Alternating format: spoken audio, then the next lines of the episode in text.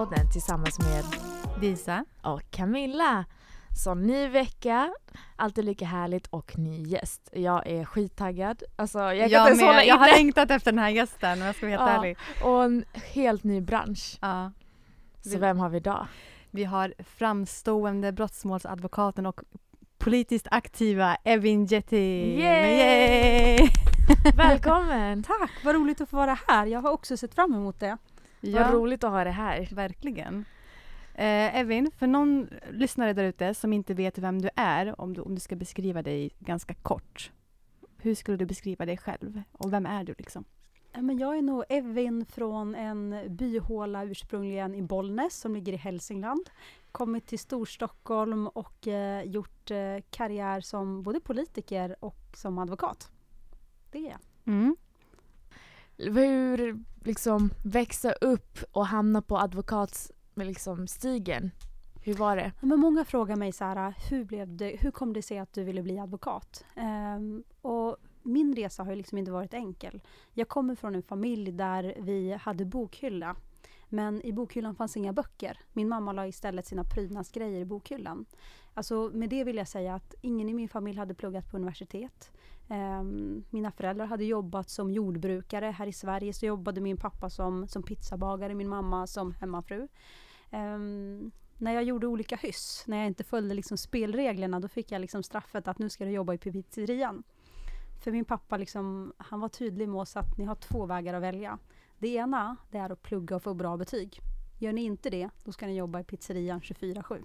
Bra motivering. Ja men det, det var det. Och eh, de dagar jag liksom inte gjorde bra ifrån mig, om jag liksom var ute för sent, gick utanför gränserna för vad som var okej, då fick jag jobba i pizzerian. Eh, och där på pizzerian så, alltid efter lunchtid, så kom alltså byns advokat, KG, en känd liksom advokat. Och det var ju faktiskt han som inspirerade mig. Jag kommer ihåg att han beskrev att vara advokat, det är som att gå in i en brottningsmatch. Du vet att du måste ge allt, men du är inte säker på om du kommer vinna eller inte. Så att jag bestämde mig för att jag ska inte fastna i, i pizzeriabranschen, kebabbranschen. Utan jag ska faktiskt fortsätta att plugga och sen så ska jag bli advokat. Alltså, fan, var det, här är, inspirerande. det här är intro till en bok känner jag. Har du, har haft tankar om att skriva en bok? Mm, Jo, men jag har nog haft det liksom flera gånger. Framförallt för att många tror ju att allting är så svårt. Och saker och ting är svårt ibland. Men min pappa har lärt mig att ingenting är omöjligt. Det som är omöjligt tar bara lite längre tid. Så att när jag började juristprogrammet då kom jag från en bakgrund där vi inte var vana vid att läsa tjocka böcker och framförallt, alltså jag kan säga var och varannan ord i alltså lagboken, jag, jag fattade inte de orden. Så att jag fick liksom jag, jag fick skriva upp de orden, jag fick lära mig dem utan till eh, och framförallt, jag fick, varje uppgift vi hade fick jag läsa tre gånger till skillnad från mina andra kompisar som oftast var svenskar, som hade föräldrar som var åklagare, advokater, domare, specialister. Själv vad var, jag, ja, vad var jag? Jag hade en pappa som var pizzabagare och en mamma som var hemmafru. Inget dåligt med det, men jag menar att vi hade helt olika förutsättningar och då vet jag att jag fick alltid läsa tre gånger för att förstå allting. Hur kändes det för dig? För du nämnde det här med att dina vänner hade lite bättre förutsättningar. Var det liksom, kändes det så här extra jobbigt för dig att vara i en sån miljö och ändå ha samma, få samma krav emot den? Eh, var det som att liksom, allting är orättvist och jag, har- eller hur, hur tog nej, du men, det? Nej men det var tufft. Det var en helt annan miljö och framförallt så, du vet man hade uppsatser som man skulle skriva, man hade PM som man skulle skriva, man hade uppgifter som man skulle lösa. Jag kunde inte gå tillbaka till mina föräldrar utan jag var där helt på egen hand. Och varje sommar när, när terminen var klar det var ju det som jag tror gjorde mest ont på mig. Det var att alla sökte sommarjobb och alla hade kontakter. Mm. Alla hade via mamma och pappa där de kunde få sommarjobb på en advokatbyrå. Jag Mm. kunde inte det. År, alltså de första åren så fick jag bara liksom en pizzeria och det som gjorde mig ledsen då det var att vännerna som man pluggade med eller de klasskompisar man hade de gjorde skillnad beroende på vad du hade för status. Mm. Inledningsvis så hade jag ingen status för jag fick inte de här sommarjobben. Men sen hände det en grej. Jag var på en resa och sen så träffade jag på en EU-parlamentariker som bara satt vid flyget. Jag var väldigt trevlig och pratglad med henne. Hon gav sitt visitkort och så sa hon så här, jag tycker du ska söka praktik hos mig. Så att efter Shit. två år, efter fyra terminer, mitt under plugget, då skrev jag till henne och så erbjöd hon mig en praktikplats i Europaparlamentet. Och då såg jag, det var väldigt häftigt. Gå från att jobba på pizzeria till att få en praktik i Europaparlamentet. Utan någon kontakt heller? Nej, förutom den här kvinnan. Men då insåg jag att människor började behandla mig på ett annorlunda sätt. Mm. Och då blev det så tydligt att en del människor i dagens samhälle, för dem, vad man har för status, är avgörande för hur de bemöter en. Och för mig blev det väldigt, väldigt tydligt att jag aldrig skulle göra så i mitt liv. Att jag aldrig ska bedöma människor utifrån vad de har för bakgrund, utan jag alltid ska bedöma människor utifrån vad de vill. Så jag frågar hellre människor, vart vill du, vart är du på väg? Det är viktigare än vart man kommer ifrån. Mm. Alltså, Alltså, snälla skriv en bok. det här känns Det här är som så här terapi. Så här, fan vad cool du är. Förlåt att jag svär Ja. men du är så cool. Ja.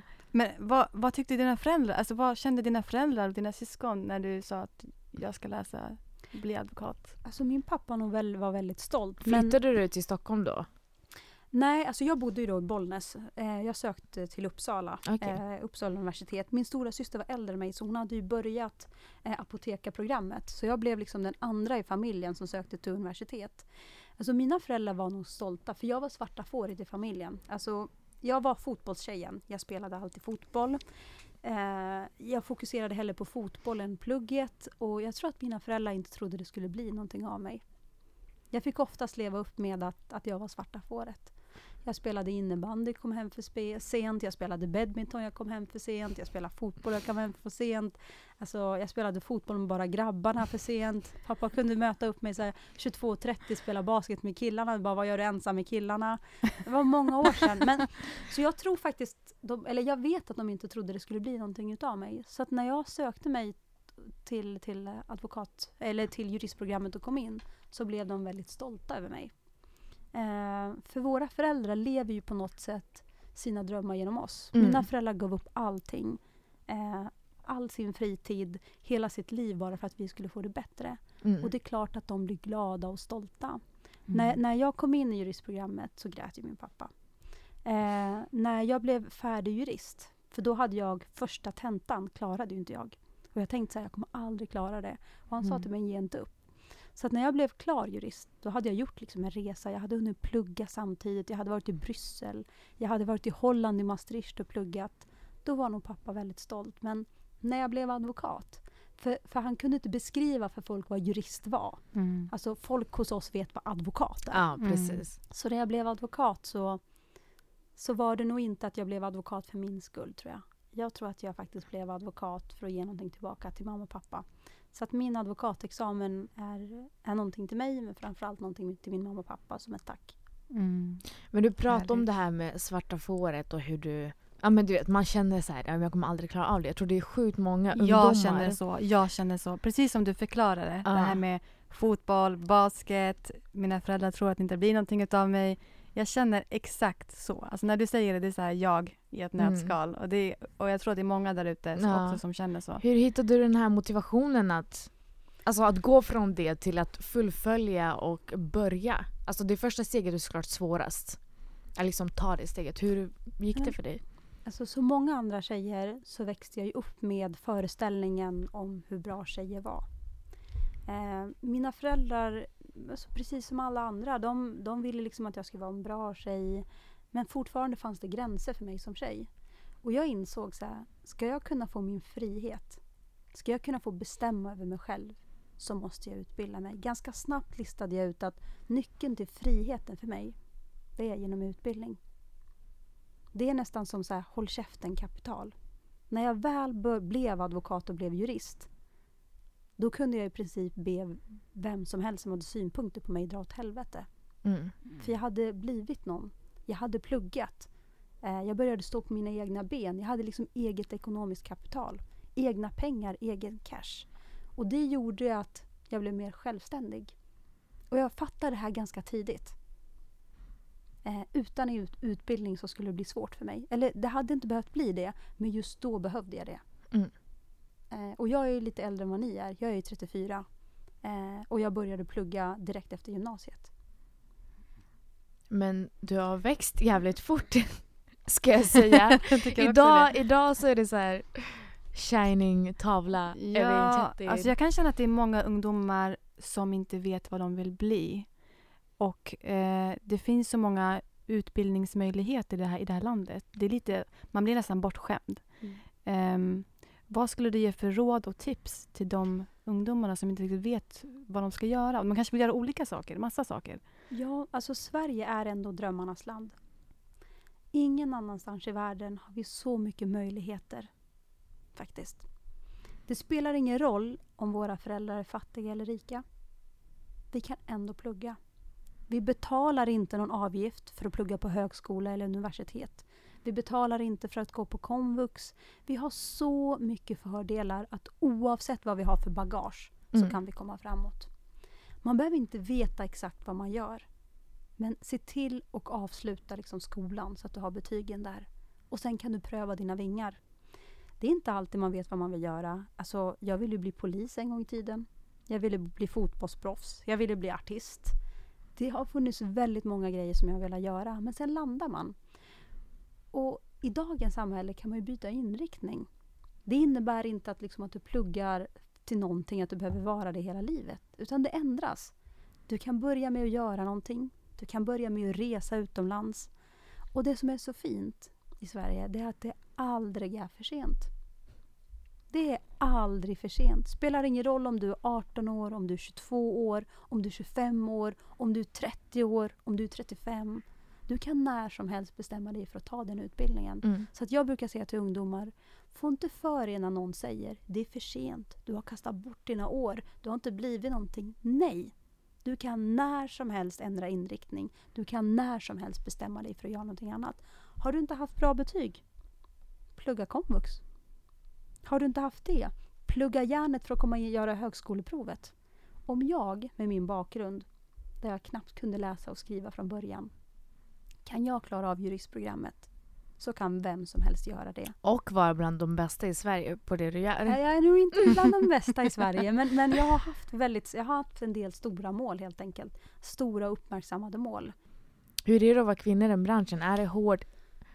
Alltså som kvinna, som kvinna och som tjej så är det ju ofta svårt att slå sig fram i samhället. Men jag vet också att när man bestämmer sig, när man har den blicken, när man har den skärpan och när man tror på sig själv, Mm. då kan ingen stoppa en. Är det så att en åklagare inte lyssnar på mig, då ska jag säkerställa så att den åklagaren lyssnar på mig. Är det så att det är en motadvokat som inte har respekt för mig för att jag är kvinna, då ska jag sätta den personen på plats. Jag kommer ihåg att jag första gången jag var med i, i Sveriges Radio, alltså Mm. live-debatt i P1, så var det en äldre man. Och så sa han så här, men lilla gumman. Men gud. Och då sa jag så här, om du nämner ordet lilla gumman en gång till så kommer jag trycka ner mina höga klackar, för de är väldigt höga, rakt in i din fot, sa jag i live-radion. Så man får liksom vara med och säga ifrån. Men som advokat eh, så upplever jag att jag inte har haft några problem.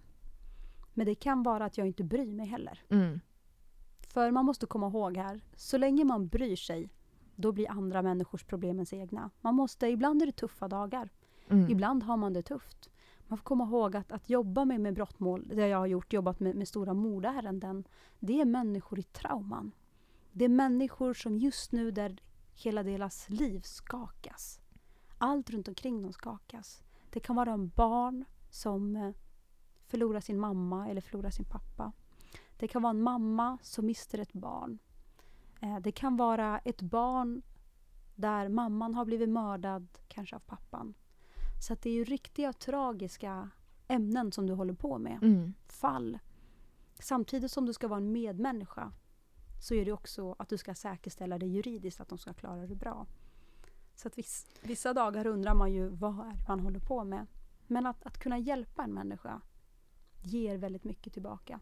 Är det det som driver dig? Att kunna hjälpa? Jo men jag, jag tror det. Jag, jag får ju inte en kick utav materiella grejer. Jag inser att pengar för mig, drivkraften eller märkesväskor Mm. eller märkeskläder. Jag har aldrig blivit lycklig utav det. Jag har aldrig haft ett begär. Men när jag mår som bäst, det är när jag hjälper människor. Det kan vara i det lilla. Det kan vara att jag inspirerar någon ung person som har slutat drömma och får den att börja drömma. Eller att hjälpa en kvinna som kanske under tio års tid har blivit misshandlad av sin man. Eller kanske ett barn som inte vet men blir illa behandlad av sin mamma och pappa. Att göra det ger mig så mycket som människa. Det ger mig liksom en boost och en kick. Alltså, vi har pratat lite grann om det här tidigare. Om att, eh, att jag känner att det finns någon typ av röd tråd i människor som har eh, gått igenom någonting till exempel. Eller har haft en tuff bakgrund.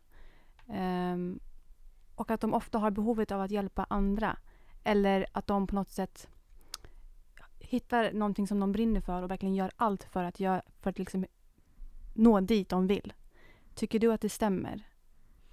Nej men alltså att komma hit som flykting och komma hit som flyktingbarn, det är klart att det är tufft.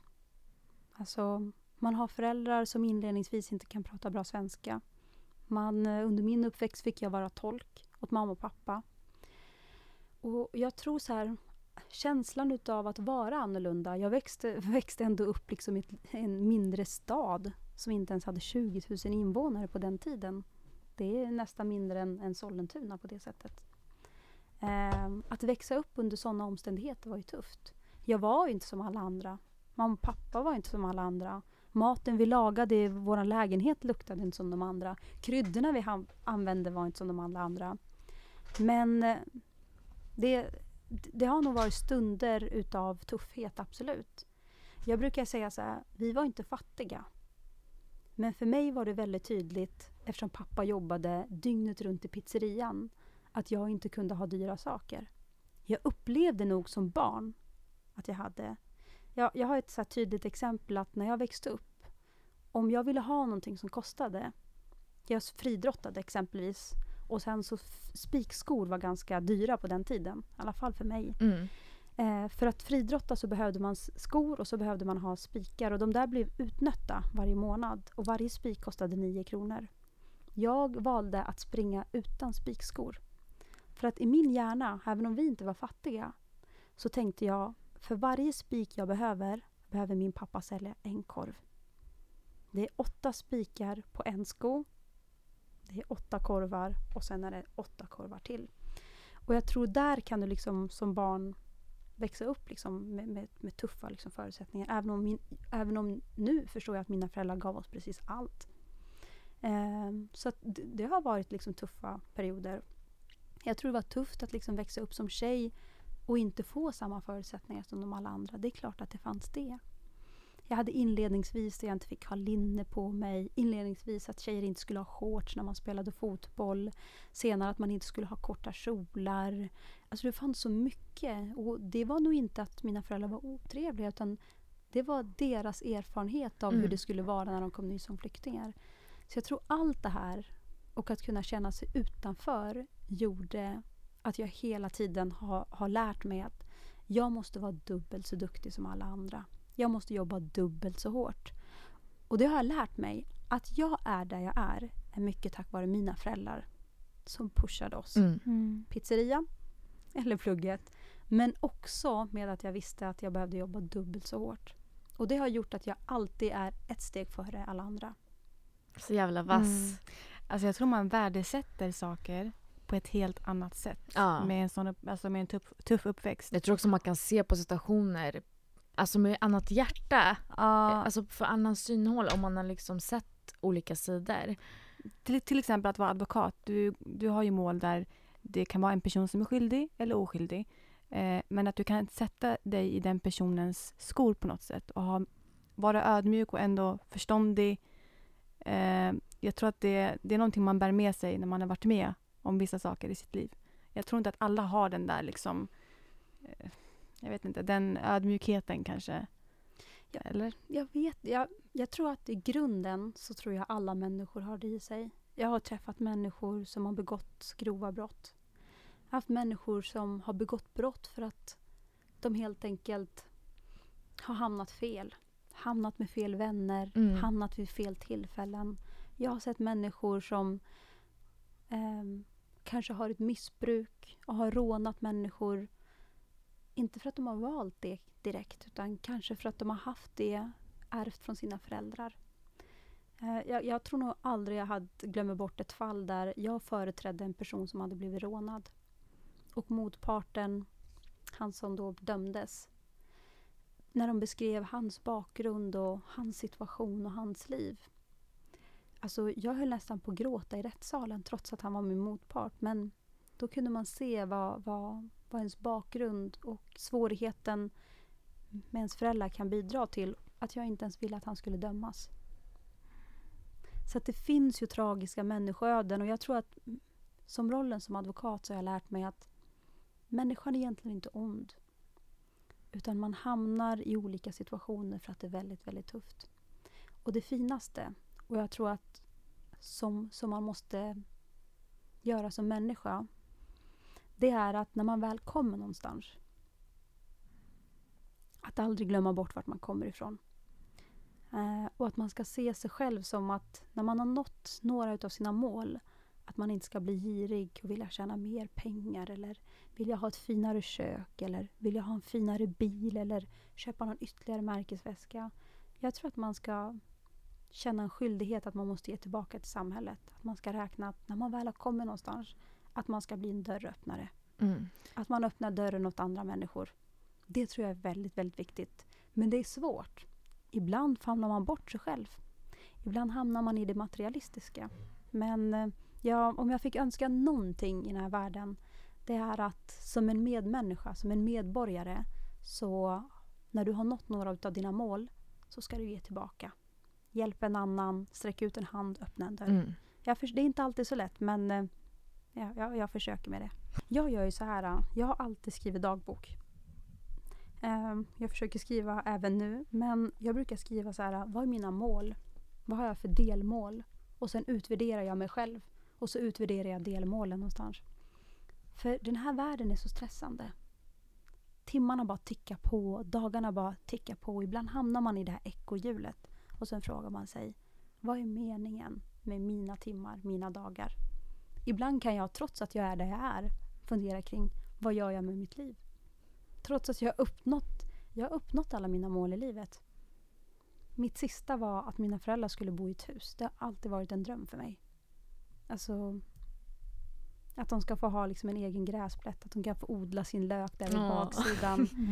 Mm. Men trots det så tar det ju liksom aldrig slut. Mm. Man undrar hela tiden, vad gör man ändå? Men är inte det bra då? Jo men det är bra. Det är bra. Det är väl bra att alltid sträva efter någonting? Efter att bli bättre? Det är ibland ganska jobbigt. Ja, det tror jag, kan jag tänka Ehm, mig. jag tycker inte, jag tycker man ska sätta några mål men inte pressa sig för mycket. Men man ska vara kreativ. Mm. Man ska ta vara på sina timmar. Och framförallt så tror jag att man ska söka glädjen i saker och ting. Ja, men det här med gl- söka glädje. Du har ju bland annat företrätt liksom i Fadima-målet. Hur... Alltså jag, jag tror att man måste vara så stark eh, i sig själv att kunna vara där. Liksom kolla på de personerna i deras ögon. Och hur kopplar man bort det här och sen liksom går hem och försöker bara... Alltså trycker du bort det eller lever du med det? Alltså det Så hur särskiljer man dem? Det professionella och det liksom privata på något sätt? I, det mål som jag hade det var ju en släkting då till, till Fadime Shahindal där jag var, företrädde, var målsägande biträde till, till de som hade förlorat en, en nära anhörig. Ehm, det målet var liksom ganska tufft. Eh, hur gör man i de här målen? Man påverkas. Alltså det gör man. Men efter ett tag så lär man sig ändå att kunna vara professionell. Man lär sig att kunna stänga av. För att jag har insett att om inte jag stänger av, om inte jag kan koppla av, då kommer inte jag kunna göra mitt yttersta. Så jag vet att för min professionalitet, för att kunna göra mitt yttersta, då, då måste jag koppla av och stänga av ibland. Men vissa dagar är det tufft. Alltså vissa dagar så, så följer ju ens ärende med en i huvudet hela tiden. Och jag tror det absolut svåraste för mig, det är att möta barn som har utsatts för olika typer av brott. För barn är så alltså, hjälplösa. Och ibland så vill man liksom bara... Ja, man, man vill liksom bara rädda de här barnen på ett helt annorlunda sätt. Och det handlar inte alltid om juridiskt utan du kan möta barn som inte har mött kärlek i tillräckligt utsträckning. Du kan Mm. möta barn som har blivit sexuellt utsatta. Du kan möta barn som har blivit misshandlade. Ehm, och jag brukar säga att det viktigaste man kan göra där det är faktiskt att få barn och ungdomar att börja drömma. Eh, oftast när jag träffar liksom unga killar eh, från förorten så brukar jag fråga så här, men vad drömmer du om? Kan jag säga så här, men bror vad menar du? Vadå drömmer? och att man håller på liksom det. Att man pratar om Ja. vad drömmar är. Drömmen att inte leva i rädslan. Drömmen att, att slippa känna rädslan ifall någon ska göra en illa. Mm. Och att alltid välja det andra alternativet. Jag brukar säga välj det alternativet där när du väl lägger huvudet på kudden på kvällarna att du ska vara avslappnad. Att du inte ska vara rädd. Mm. Wow. Ja, jag vet inte hur vi hamnar här. Jag vet inte. Det, Nej, det men- känns som att det är så här, du, du måste komma hit igen. Vi måste prata igen. Ja, det där är, det känns bara Det här man vill räcker veta inte. mer. Får vi vara dina kompisar? Absolut, ni får komma. Vi kan podda fler gånger. Alltså, hur har man mycket fritid som, jag menar du är ganska framstående. Hur, liksom, hur funkar det? Hur prioriterar du dina, dina dagar? Och, Ja, kan inte du berätta hur en Ja. framstående advokat, brottmålsadvokat dag ser ut? Jag är ju morgonpigg. Jag har ju aldrig väckarklocka. Mm. Vilket innebär att någon gång kvart i sex så kliver jag upp. Oh my god. Eh, det som händer det är ju att jag väljer däremellan med att ska jag svara på mail? Ska jag bara försöka liksom meditera, ta det lugnt? Eh, eller ska jag scrolla på sociala medier? Vilken väljer du då? Har jag haft en tuff dag innan, Mm. Då är det bara skönt att scrolla. Mm. Det är bara skönt att gå in och kolla på någon som sjunger. Det är så skönt att bara liksom scrolla in på, drömma sig vidare på resor och sådär. På någons konto, bild nå- från 2014 Stories. och råka like den. Ja, men, ja, typ sådär. Men det är ganska avslappnande då. Men, men annars blir det ju oftast att du har en förhandling. Ja. Vilket innebär att du ska, när du väl kliver in i, i domstolen, i tingsrätten, så ska du ha med dig en person in. Mm. Eh, du ska sköta det juridiska, men det är en person som kanske för första gången i sitt liv ska in till en domstol. Den är rädd kanske för att vittna, den kanske känner eh, rädsla för vad som ska hända, den är nervös, den har glömt helt plötsligt allt vad den ska säga. Så Mm. att du måste förbereda dig att vara stark. Tar alla dina akter, oftast flera hundra sidor, en tung väska och sen ska du bege dig mot en domstol. Där möter du upp din klient och så ska du visa här sitter åklagaren, här sitter domaren, vi ska gå in hit, jag kommer alltid finnas vid din sida, var lugn. Eller en person som kanske sitter häktad, har suttit i fängelse till liksom, i häktet flera dagar. Och så ska du säga att men jag finns här för dig och du ska säga ge din version och åklagaren kanske kommer vara hård men svara på liksom frågorna. Så det är oftast två olika sidor. Sen ska du prata, du ska övertyga domstolen. Det är, eh, det är människor som lyfter upp grejer. Åklagaren ska liksom vara hård i sin bedömning, du ska svara tillbaka. Sen blir det en paus och du måste äta mat.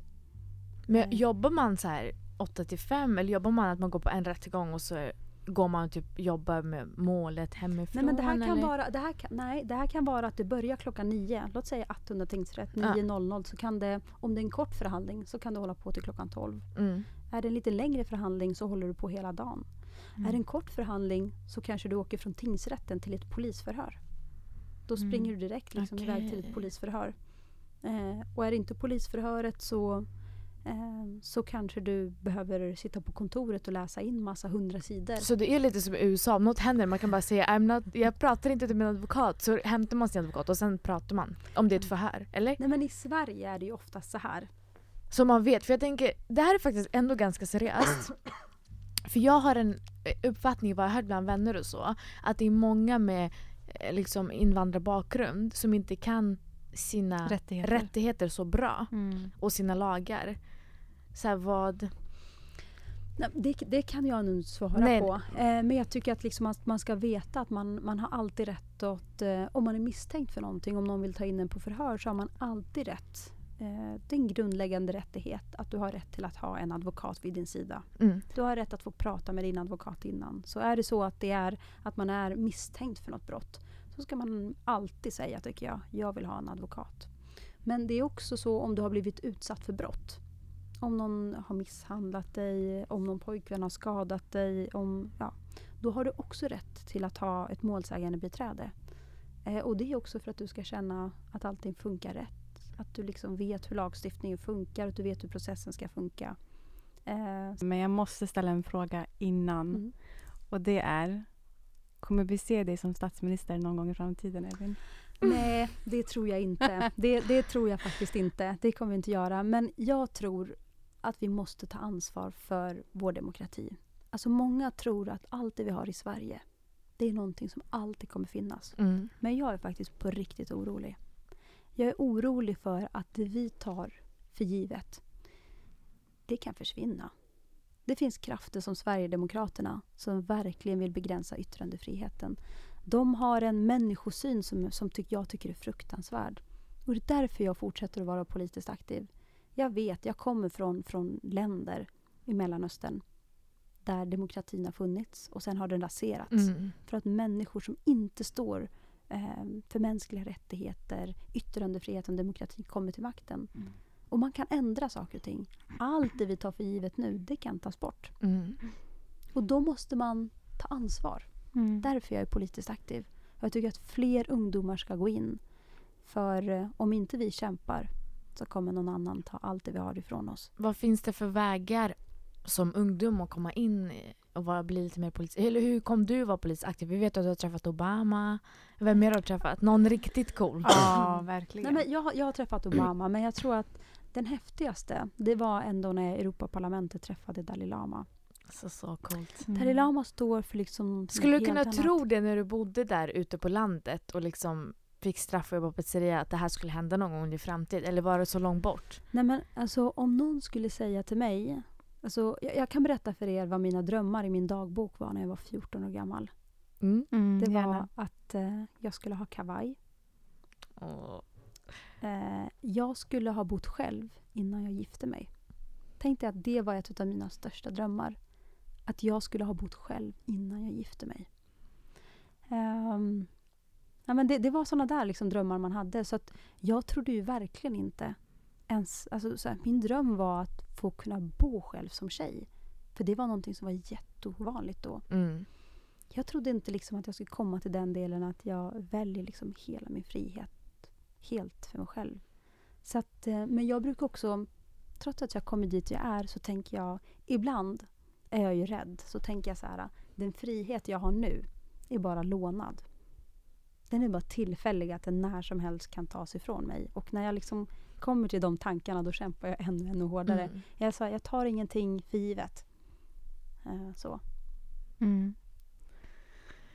Wow. Vart, hur ser det ut för, i framtiden för dig? Hur, hur tänker du? Känner du rent politiskt och rent karriärmässigt? Nej, men jag, har ju, jag har ju en egen advokatbyrå just nu. Ehm, Man får marknadsföra. Vad heter det? Ja, nej. Och vad jobbar ni med ifall någon behöver? Har ni någon så här... nej men vår advokatbyrån Dubio, Mm. det är jag och många kollegor, jag tror att vi är upp till 13 anställda just nu. Mm. Ehm, vi jobbar med, med alla tänkbara mål, alltså brottmål, familjerätt, asyl, um, tvister. Så att vi gör liksom väldigt mycket sånt. Ehm, Mm. Så att vill man få inblick i hur det är att jobba på en advokatbyrå och framförallt om man inte har någon kontakt in överhuvudtaget. Att man har som mig bakgrunden att man liksom är pizzabagarens dotter eller Mm. taxichaufförens dotter eller liksom inte har någon ingångar in. Då kan man höra av sig till mig. Jag hjälper gärna liksom in en ingång. Det är så Jag skulle vilja göra typ ett studiebesök någon gång. Eller eller bara liksom besöka. får- Följa med, kan du följa med som jag dina vill följa med dig skuggor? Så länge det inte är sekretess så absolut. Vad- det är ju sekretess när det är yngre barn.